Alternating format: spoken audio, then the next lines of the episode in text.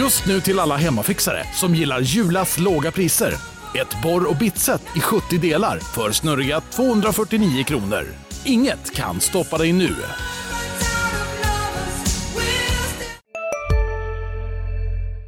Varmt välkomna till eh, avsnitt nummer nio av eh, Sportklubben. Det här är LT Sportens podcast som handlar om ishockey och i synnerhet SSK och Hockeyallsvenskan. Jag har satt mig här, Andreas Hansson har satt sig med eh, Jakob Schelin. Eh, hur mår du Jakob? Det är bra tack. Det är eh, hockeysäsong igen. Det är roligt. Mm. Har man kommit på här man sett några matcher. Nej, det är fint. Precis. mår du själv? Jag mår alldeles utmärkt och eh, jag konstaterar att vi är igång med säsongen precis som du. Vi har sett eh, två matcher spelas och det är bland annat det vi ska prata om i det här avsnittet. Vi ska analysera lite grann vad eh, som egentligen hände mot Väsby, vad som hände mot Västerås. Vi ska prata om Bouchard och Bouchard och eh, vi ska prata om Alexander Salin som kanske är tillbaka i storform redan nu. Vi ska eh, prata om utropstecken, frågetecken. Vi ska prata om eh, hur många poäng SSK behöver. Behöver man göra om powerplay redan nu? Ja, vi har ett fullmatat avsnitt som ni hör framför oss. Så att eh, varmt välkomna.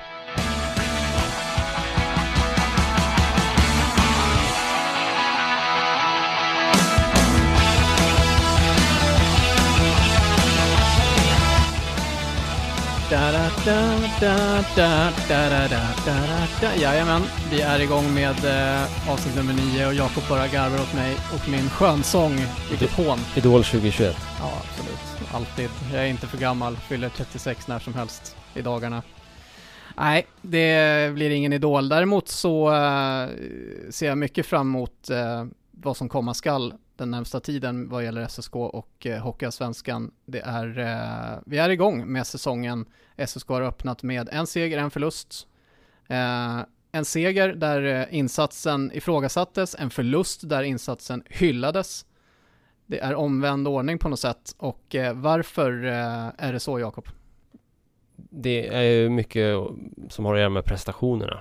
Det är ju inte alltid så att resultatet i sig säger särskilt mycket om eh, hur en matchbild har varit eller hur, hur en prestation har varit. Ibland så gör man någonting bra men har eh, ett skott som går stolpe ut som avgör en match. Hockey är ju ett ganska eh, det- är få mål i hockey. Eh, till skillnad från till exempel i basket och det gör ju att eh, tur spelar större roll. Mm. Ja, ja det är ju egentligen inte konstigare än så såklart, men eh, det var ju en match mot Väsby som alltså slutade 1-0 och eh, målet kom med eh, ja, dryga minuten kvar av eh, Even Bouchard, eller Ja. Evan tror jag man säger. Han hade skjutit in sig kan man säga. Han sköt och sköt och sköt. Han hade åtta skott på mål och kanske lika många utanför tror jag. Kan vara så att de fick byta plexiskivor där. ja, det kan nog faktiskt vara så. Eh, och han garvade själv åt det efteråt också över hur han eh, ja, hade skjutit otroligt mycket utanför. Men det sista skottet gick ju faktiskt på mål och i mål. Um, vad, vad, vad, liksom, vad lärde vi oss av eh, 1-0-segern mot Väsby? Det vi framförallt tar med oss från den matchen var styrkebeskedet från Alexander Salin, tycker jag. Han varit ifrågasatt under försäsongen. Vi satt själva här för någon vecka sedan och pratade om eh, huruvida det var rätt av SSK att, att värva in en Filip Gustafsson då, ett korttidslån och vad Salins eh, status var liksom inför nästa säsong, att han har utgående kontrakt och så. Eh, Vad snabbt det vänder. Ja, vi får ju kanske lugna oss lite, men det var åtminstone väldigt bra för SSK att få två mycket solida matcher av Alexander Salin, inte minst av nollan mot eh, Väsby. Mm. Eh, direkt liksom i början på säsongen, då kan man lite andas ut eh, i målvaktssituationen tycker jag. Mm. Så att eh, väldigt stark match av honom. Han hade svåra lägen emot sig också Mm. en hel del gånger. Absolut. Inte, inte minst Sebastian Bengtsson var het i matchen. Han hade fler, flera, flera riktigt skarpa lägen. Mm, absolut, och eh, liksom Lubomir Fetkovic som hade många Ja. fetta, fe- feta lägen kan man säga. Det hade han. Han hade. Ett par styrningar och, och lite annat framför mål. Ehm, så att Salin fick jobba för sin nolla. Det var absolut inget, eh, inget givet. Han såg, eh, han såg solid ut, var vaken på styrningar och jag tyckte inte han lämnade så många farliga returer. Mm. Det var några gånger han tappade puckar bakom sig där han inte riktigt hade koll på var den tog vägen och jag tror bland annat att det var Oskar von Siver som fick ta en rätt bra utvisning där. Man brukar ju prata om det, Mm. bra och dåliga utvisningar. Men eh, jag tror att det blev en, en, slashing där en puck låg lös bakom Salin. Som Mm. det, där kan ha räddat ett mål till exempel. Verkligen. Eh, och eh, jag vet inte när SSK, en SSK-målvakt öppnade säsongen med en nolla senast. Däremot så vet jag att SSK inte hade vunnit en premiär på fyra år eh, innan den här matchen. Och det var alltså eh, ett eh, trendbrott bara ur det perspektivet.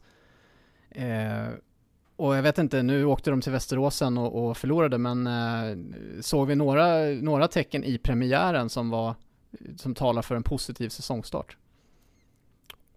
Premiären var ganska svårbedömd tycker jag.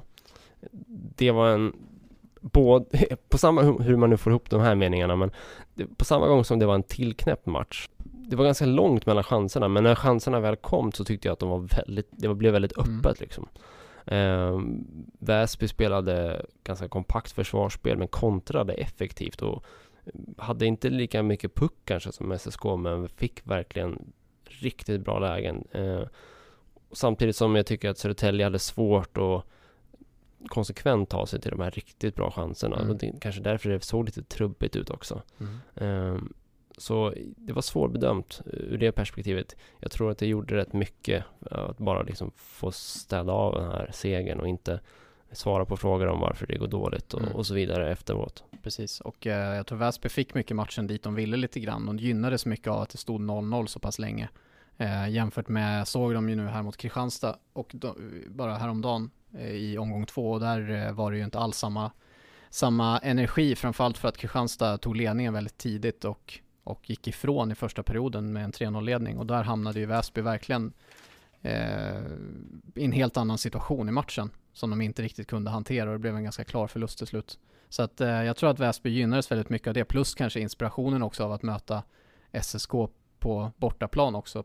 Eh, allt, att, allt att vinna helt enkelt. Kanske inte riktigt samma sak i nästa match. Sen var vi inne på Bouchard. Jag tycker Mm. att han ser ju verkligen superspännande ut. Eh, premiären var ju hans eh, bästa match. Han har varit bra i båda tycker jag, men, men i premiären så var han och Andreas Hjelm väldigt drivande som backpar. Mm. Eh, de, Bouchard har redan skapat 24 skott mot mål eh, för SSK. Det är mycket. Och han har inte tagit alla själv, men eh, jag tror att det är ungefär hälften av dem som han har tagit själv. Mm. I, då pratar vi bara fem mot fem spelet.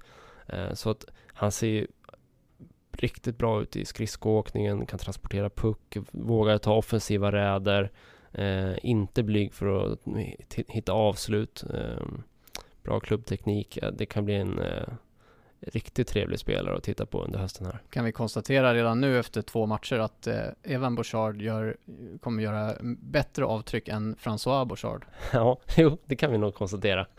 Känns det givet? Den konkurrensen kanske inte är benhård. Nej. Eh, sen det beror ju på vad man menar med avtryck.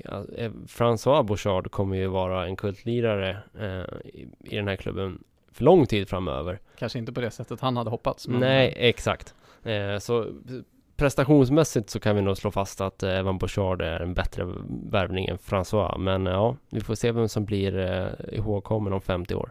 Men vad sa vi, hur många mål hade François Bouchard gjort? Han gjorde sju mål. Han gjorde alltså sju mål och eh, Evan Bouchard har nu gjort ett mål då, eh, så här långt. Men eh, kommer ju inte ha lika många matcher på sig att, att notera de där sju. Eh, vad tror du, kommer han att nå eh, fler mål än François?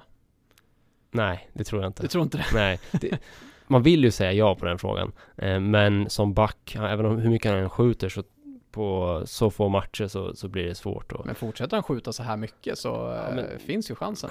som back skjuter man ändå i ganska dåliga positioner för att göra mål. Oftast om man inte hoppar med och får väldigt bra lägen i slottet. Han hade något sånt mot Väsby. Eh, men nej, alltså ett, ett mål varannan match, det, det hoppas på mycket. Mm. Han skulle lätt kunna göra tvåsiffrigt mål om man spelar en, en längre period eller hela säsongen. Det är inga, inga konstigheter, men eh, sju mål på, om det, vad säger att han spelar 15 matcher, då, det blir tufft. Mm. Ja, tre skott på mål mot Västerås var det. Mm. Sen, eh, och eh, återigen mest istid av samtliga spelare. Men mycket hänger ju på om man får igång ett powerplay där.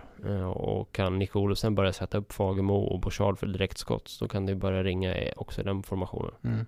Ja, det blir väldigt spännande att se Evan Bouchard eh, framåt. Eh, och du nämnde Sebastian Bengtsson, alltså han, han, eh, han var ju riktigt bra i matchen mot SSK eh, och borde väl ha gjort något mål också. Ehm, börjar man redan nu eh, fundera på om SSK kommer ångra det här valet att inte erbjuda honom nytt kontrakt? Det är ändå, ja, det var inte något lätt val och det har vi varit inne på tidigare i den här podden.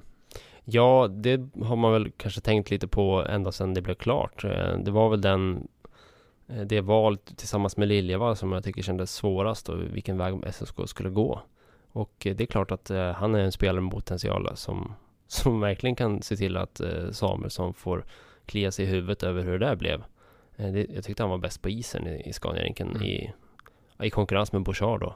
Ehm, och, och Salin förstås, men om vi tänker ut spelarna. Men eh, riktigt teknisk, skicklig som vi sett honom. Han var kreativ och um, det var egentligen bara målet som saknades. Men jag tror också att det är precis det här Sebastian Bengtsson behöver i sin karriär just nu. Att komma till ett lag där han får spela väldigt mycket, han får ha precis den rollen i powerplay som han vill ha. Eh, han får eh, alltså, jättemycket förtroende. Laget är helt beroende av att han är en av de som levererar.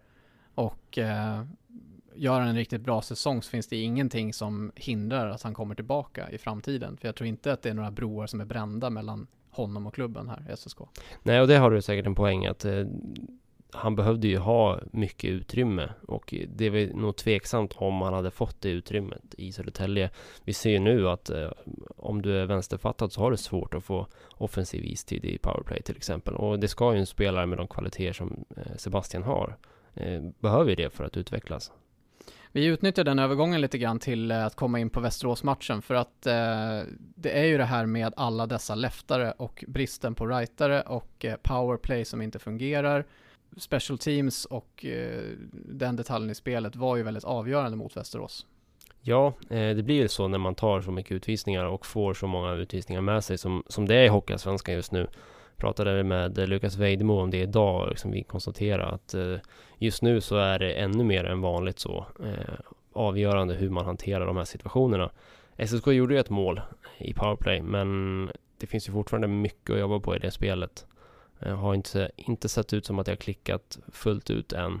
Um, inte någon gång under försäsongen egentligen. Mm. Men, men, jag tycker att de tendenser som man ser från Eh, femman med just Olesen och Fagemo, den börjar hitta någonting som jag tror kan bli väldigt farligt. Mm. Är du hoppfull där? För att eh, alltså Väsby-matchen var inte heller bra i powerplay och eh, försäsongen var inte heller bra i powerplay. Eh, sex tillfällen mot Västerås i numerärt överläge och bara ett mål som du sa. Eh, åtta minuters eh, tid i PP läser jag lite innan till här och elva skott totalt på, eh, på de här sex tillfällena. Det är ju inte tillräckligt bra jag tror att den här PP-enheten behöver tid. Mm. Men du har Fagemo, du har Bouchard, det är två rightare med rätt bra skott. Eh, Nick Olesen visade förra säsongen vad han kunde. Eh, Lukas Vejdemo heller ingen dussinspelare. Mm. Eh, ja, den kommer kunna göra mycket nytta. Eh, det, man får tänka på att Bouchard fortfarande, vad har han spelat? Tre matcher. Mm. Ja, absolut. Nej, men han är ju, visst är det så. Men ska man vara mer orolig kanske då och fundersam över den här, den andra powerplay-formationen kanske då och vilken form den visar? Där tycker jag det finns eh, större varningsklockor som ringer, absolut. Eh, mycket handlar ju där om att Ludvig Blomstrand ska skjuta. Och det jag upplever händer eh, mycket i de här matcherna är att eh, de andra också väntar på att Blomstrand ska skjuta. Mm. Eh, motståndarna vet om det eh, och, och anpassar sig efter det. Eh, och det blir som att hela spelet stannar upp när Blomstrand får pucken och alla väntar på att skottet ska komma mm. och han står och letar skottet och sen så blir hela den enheten ganska stillastående. Nu hade man ju senast också en leftare till vänster.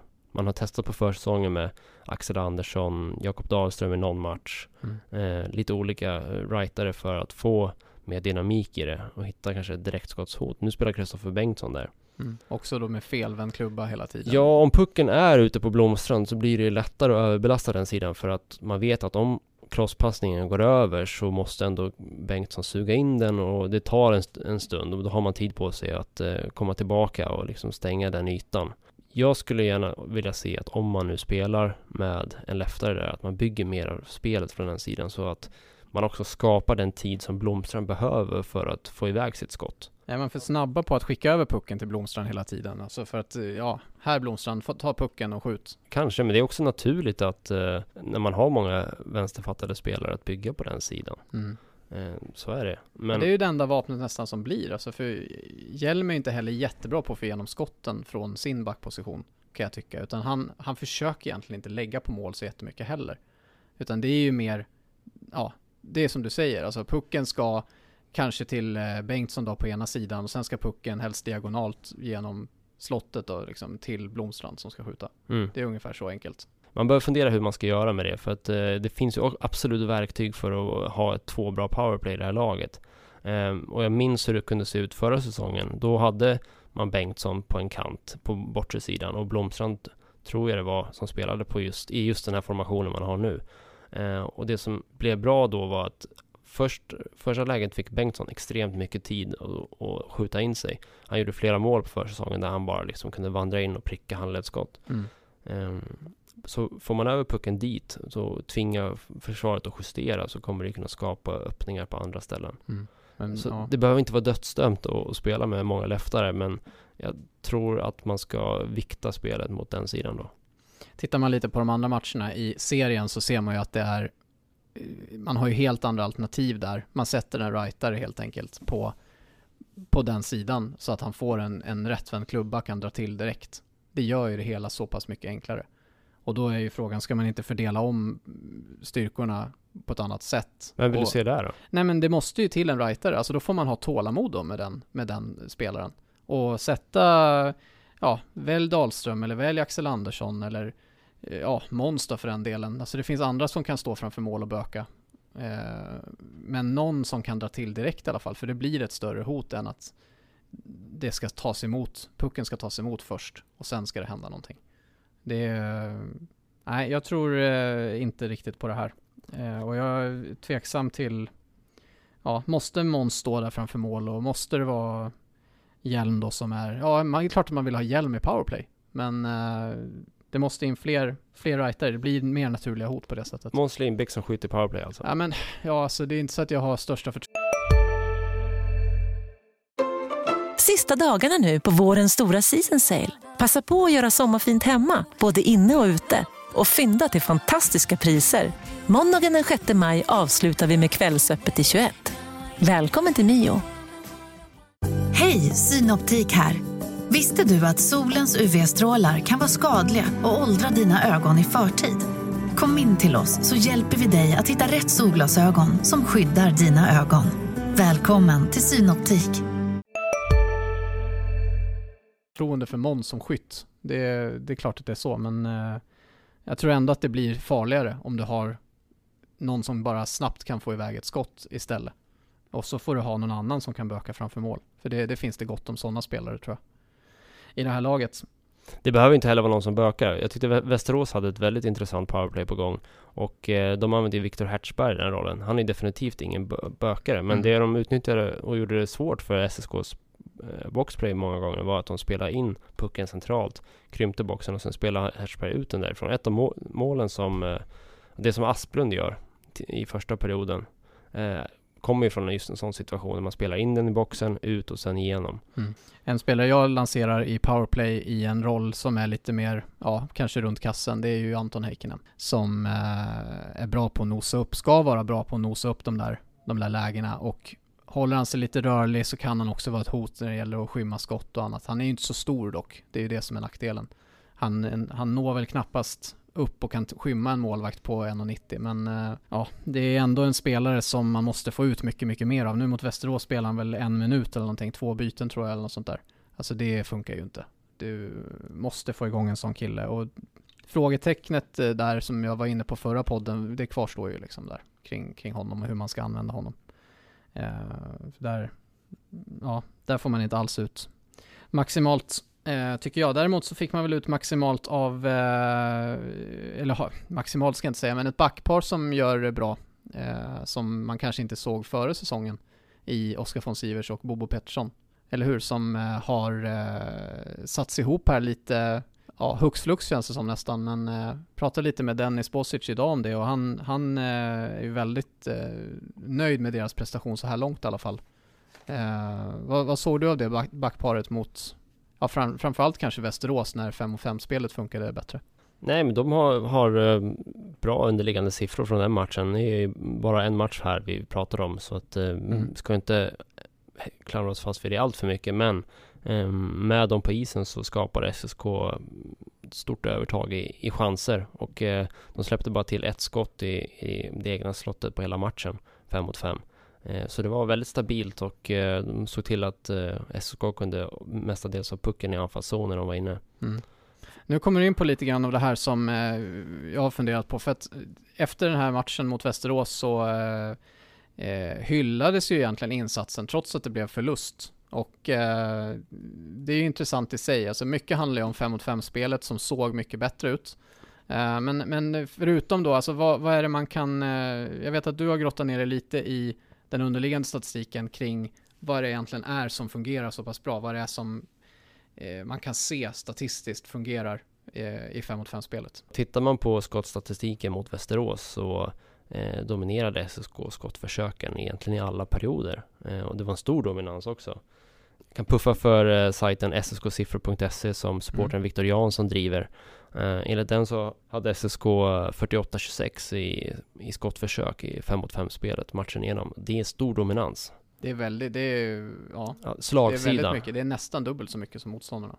Precis, eh, och det någonstans tyder ju på var eh, spelet har befunnit sig på isen under matchen. Mm. Och jag tycker att det man såg med ögat var att SSK hade bättre fart, eh, bättre passningsspel och eh, kontrollerade pucken bättre på vägen i anfallszon. Så man skapade sig tid och man kunde också behålla trycket många gånger eh, och, och, få liksom långa byten på, eh, på Västerås i deras eh, försvarszon.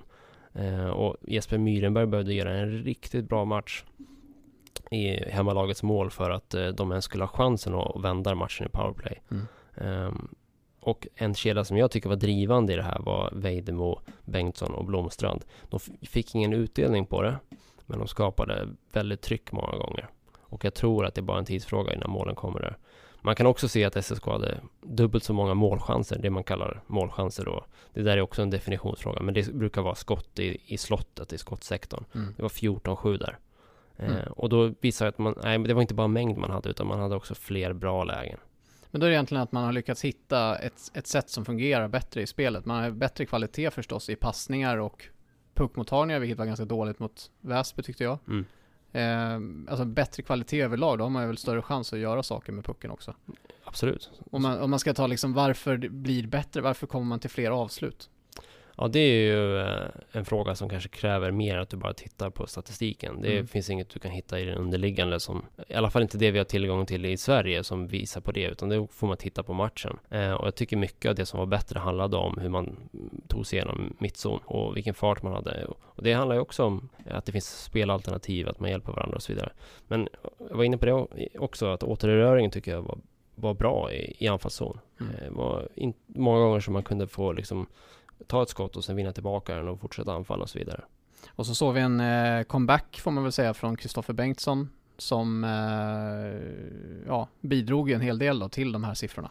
Ja, jag tycker det. Man eh, alltså, Blomstrand och Vejdemo var förstås bra också eh, på, på, att skapa skott, men eh, det, det, var ändå en positiv injektion att ha Bengtsson där. SSK var 14-4 i skottförsök med, med Bengtsson på isen, så att, mm. Eh, det var det en, bra, bra. en bra match av honom. Mm. Vi eh, går vidare i programmet och eh, funderar lite kring eh, vilka har stuckit ut eh, både positivt och negativt så här långt. Det är en, eh, bara två matcher att eh, utvärdera så här långt, men ändå. Eh, vilka, om vi tar några utropstecken då, då pratar vi positiva grejer. Eh, jag tänker att vi båda tar och eh, ger vår åsikt här helt enkelt, säger vad vi tycker om, om det. Vad, har du någonting som tycker du, du tycker har stuckit ut som vi, ja kanske som vi inte redan har nämnt då kan vi börja med. Vi har varit inne på Bouchard Mm. Det var mitt första Då utropstecken. kör du honom i alla fall då. Ja, och sen har vi varit inne på Salin som också har som ett Svårt utropstecken. att undvika. Mm. Så nu har vi stökat av dem. Mm. Eh, ett utropstecken som jag inte hade trott att jag skulle skriva ner. Eh, det är Bobo Pettersson. Okej. Jag tycker faktiskt, vi var inne på det också, att han har spelat ganska bra med eh, von Sivers. Och eh, han till exempel leder SSK i blockade skott med fem. Det är jag inte förvånad över att höra egentligen. Nej. Eh, det som är lite förvånande är att Alltså förra året så hade han bedrövliga underliggande siffror. Mm. Och vi får ju se vad det här tar vägen, det är ju bara två matcher. Men eh, han har varit eh, en klar plusfaktor. Eh, så det blir spännande att se vad det där backparet tar vägen. Men det finns stunder när det fortfarande ser lite osäkert ut och darrigt sådär med klubba och puck och så. Mm.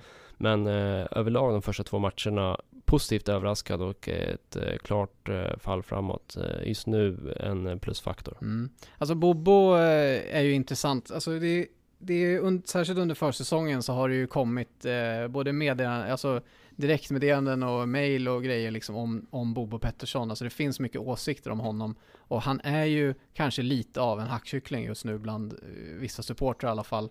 Alltså jag tycker, är, är det oförtjänt att ge honom mycket kritik? För han gör ju ändå ett stort jobb defensivt som du säger och han blockar väldigt mycket skott. Han spelar boxplay, vilket ändå sett rätt okej ut. Eh, alltså, är det hårt att kritisera honom för att ja, det ser lite darrigt ut i passningsspelet ibland? Nästan all kritik som är sådär svart eller vit är det är för tidigt för det den här Mm. säsongen. Baserat på förra så tycker jag inte alls att det var för hårt att, att kritisera spelet. Det finns förväntningar på en spelare som kommer från SHL och som har en sån meritlista som han kom till SSK med. Mm. Så eh, det, det är på samma sätt som att det finns förväntningar på Oskar von Sivers nu. Det är inte konstigt. Och på, ur det perspektivet så förstår jag att det fanns kritik. För att eh, han blev inte den ledande back på det sättet som man hade sett. Även om han använde sig i mycket svåra situationer defensivt och så. Men eh, jag förstår på så sätt att, att ut- utefter förväntningarna att, eh, att det finns kritik. Mm. Ja, nej, han har inte kanske blivit den, den eh, backklippan som man hade förväntat sig, men, men eh, samtidigt så är det ju en han, han gör ju han upp, alltså, väldigt uppoffrande arbete, det gör han i alla Mm. fall. Det får man ju, måste man ju ge honom. Absolut. Och eh, kanske finns någonting där som kan plockas fram av att han spelar då med von Sivers i, i ett backpar. Eh, jag drar ett snabbt eh, utropstecken från min sida. Jag tycker att Hugo Gustafsson eh, visar eh, att han är värd eh, mer speltid och mer, eh, kanske mer spel i powerplay också. Mer går ju, ja det behövs inte så mycket mer, han får inte spela i powerplay. Eh, kanske är eh, hans kreativitet något som kan behövas. Där det inte blir så, så att det inte blir så statiskt. Mm. Intressant. Eh, ja, kanske man skulle kunna ersätta, plocka ut Emil Aronsson och sätta in Hugo istället i ett powerplay. Okej. Eh, vi har också listat några frågetecken så här långt. Jag kan börja med ett som vi är inne på lite grann. Axel Andersson sitter ju alltså som sjunde back här mot Västerås. Får visserligen spela en del. Jag spelade 12 byten så det var inte superlite men 9 minuter. Det är inte jättemycket som back men man rullar ändå på 7. Precis, och jag tycker att under försäsongen så såg vi ändå att han, framförallt när han kom, så tyckte jag att han eh, såg ut som att han ja, skulle vara en mycket mer tongivande back i spelet och puckbehandlingen såg jättefin ut och, och som, bara även som person när man pratade med honom så tyckte jag att det verkade som att han hade mognat en del eh, och nu så eh, vet jag inte riktigt vad som har hänt. Jag har svårt att sätta fingret på varför det har blivit så här. Alexander Falk kom tillbaka från skada och eh, då var det Bo, eller, eh, Axel som eh, ja, fick eh, liksom flytta ut från topp 6 eh, backsidan. Eh, jag tycker att man måste eh, använda Axel mer i spelet och att det finns väldigt mycket att hämta där. Och i powerplay eftersom han är eh, högerfattad. Annars så ser jag inte riktigt poängen varför man tog hit honom. Vill du dra ett frågetecken? Eller vill du säga något om Axel? Jag kan dra ett till frågetecken. Mm. Jakob Dahlström Mhm. mot Västerås. Bara fem minuters istid. Och det som gör att jag hajar till, det är att han inte spelar boxplay ens. Ja, det är märkligt. Eh, För det var ju lite så, dit han, det han var hämtad dit för att göra. Så att, eh, jag är förvånad att han inte spelar boxplay. Mm. Eh, Han har gjort det hela försäsongen och nu fanns han inte med där. Undrar om det var något tillfälligt då, för att han spelade boxplay på träningen som vi var innan vi, var, innan vi spelade in det här. Ja, eh, jag, jag kan ha missat, han kanske gick av. Eh, jag tror inte det, men eh, det, Nej, det blir, är inget det, blir, vi har sett eller hört någonting det, om. det blir någonting att följa om inte annat. Mm. Så att jag, hade, jag räknar ju kallt med att han ska spela boxplay hela säsongen. Mm. Eh, vi växlar, jag tar ett frågetecken också. Eh, jag eh, lyfter fram eh, Matt Bailey som eh, jag eh, inte tror är i sån jätteharmoni just nu i alla fall. Eh, det visserligen kanske det var ett steg framåt nu mot Västerås här i 5 mot 5 spelet och eh, den kedjan då med Fagemo och Olesen kanske är på väg mot någonting. Eh, men jag tror inte att han eh, själv är så nöjd med sitt spel just nu eh, utifrån kroppsspråk och annat som man ser på träningar och eh, ja, det får väl vara osagt så länge man inte har pratat med honom om det här men, men ändå så eh, jag tror att eh, Bailey kräver mer än så här av sig själv i alla fall och eh, eh, ja, vi får väl eh, följa den utvecklingen men jag tror att vi kan förvänta oss mer av honom. Ja, det är klart vi kan göra det. Men jag är inte speciellt orolig för det faktiskt. Du är inte orolig alls? Nej, jag tror att han kommer igång. Okej? Ja, nej, alltså jag, jag tror att han har eh, haft så pass många säsonger nu i Europa att eh, det finns ingen jätteanledning att få panik där. Mm. Nej, låter ju skönt att höra. Ja. ja, det är eh, alltså mycket matcher den här veckan som väntar för SSK. Man har då eh, match på onsdagen mot Almtuna hemma och så åker SSK på en liten roadtrip då till Västervik och Kristianstad.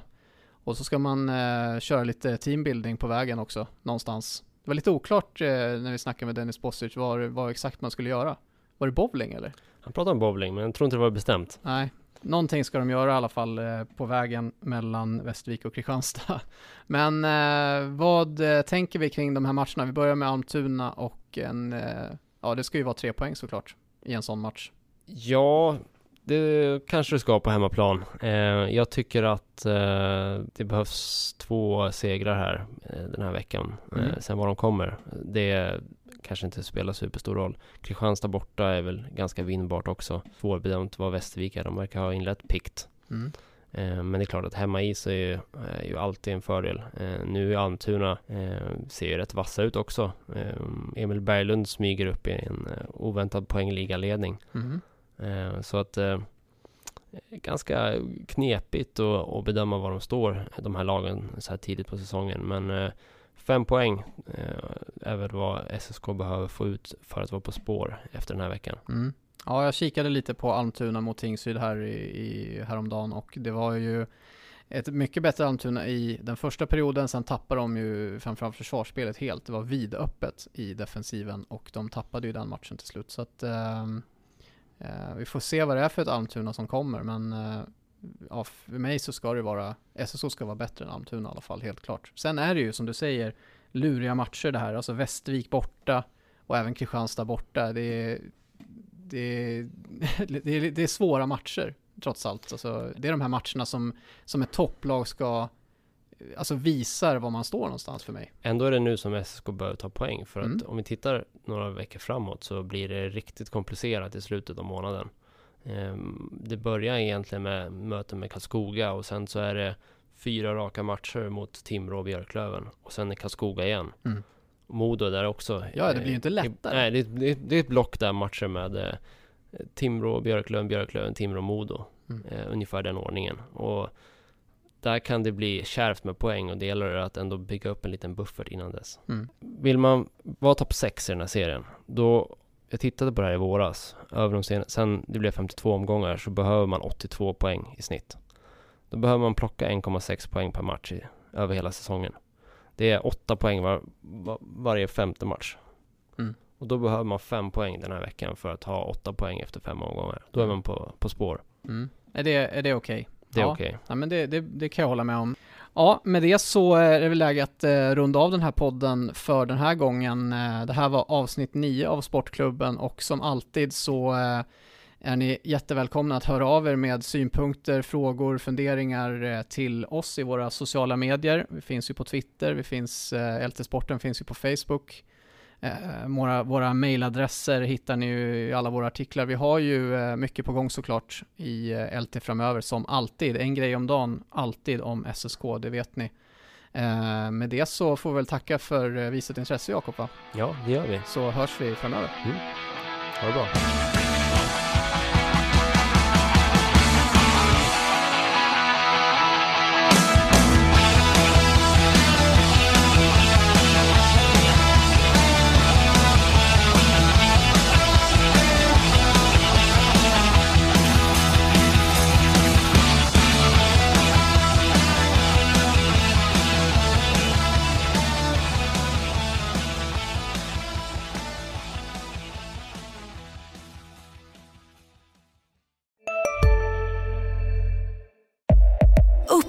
Hyllade XPeng G9 och P7 hos Bilia. Våra produktspecialister hjälper dig att hitta rätt modell för just dig. Boka din provkörning på bilia.se xpeng redan idag. Välkommen till Bilia, din specialist på XPeng. Dåliga vibrationer är att skära av sig tummen i köket. Ja! Bra vibrationer är att du har en tumme till och kan scrolla vidare. Alla abonnemang för 20 kronor i månaden i fyra månader. Vimla! Mobiloperatören med bra vibrationer.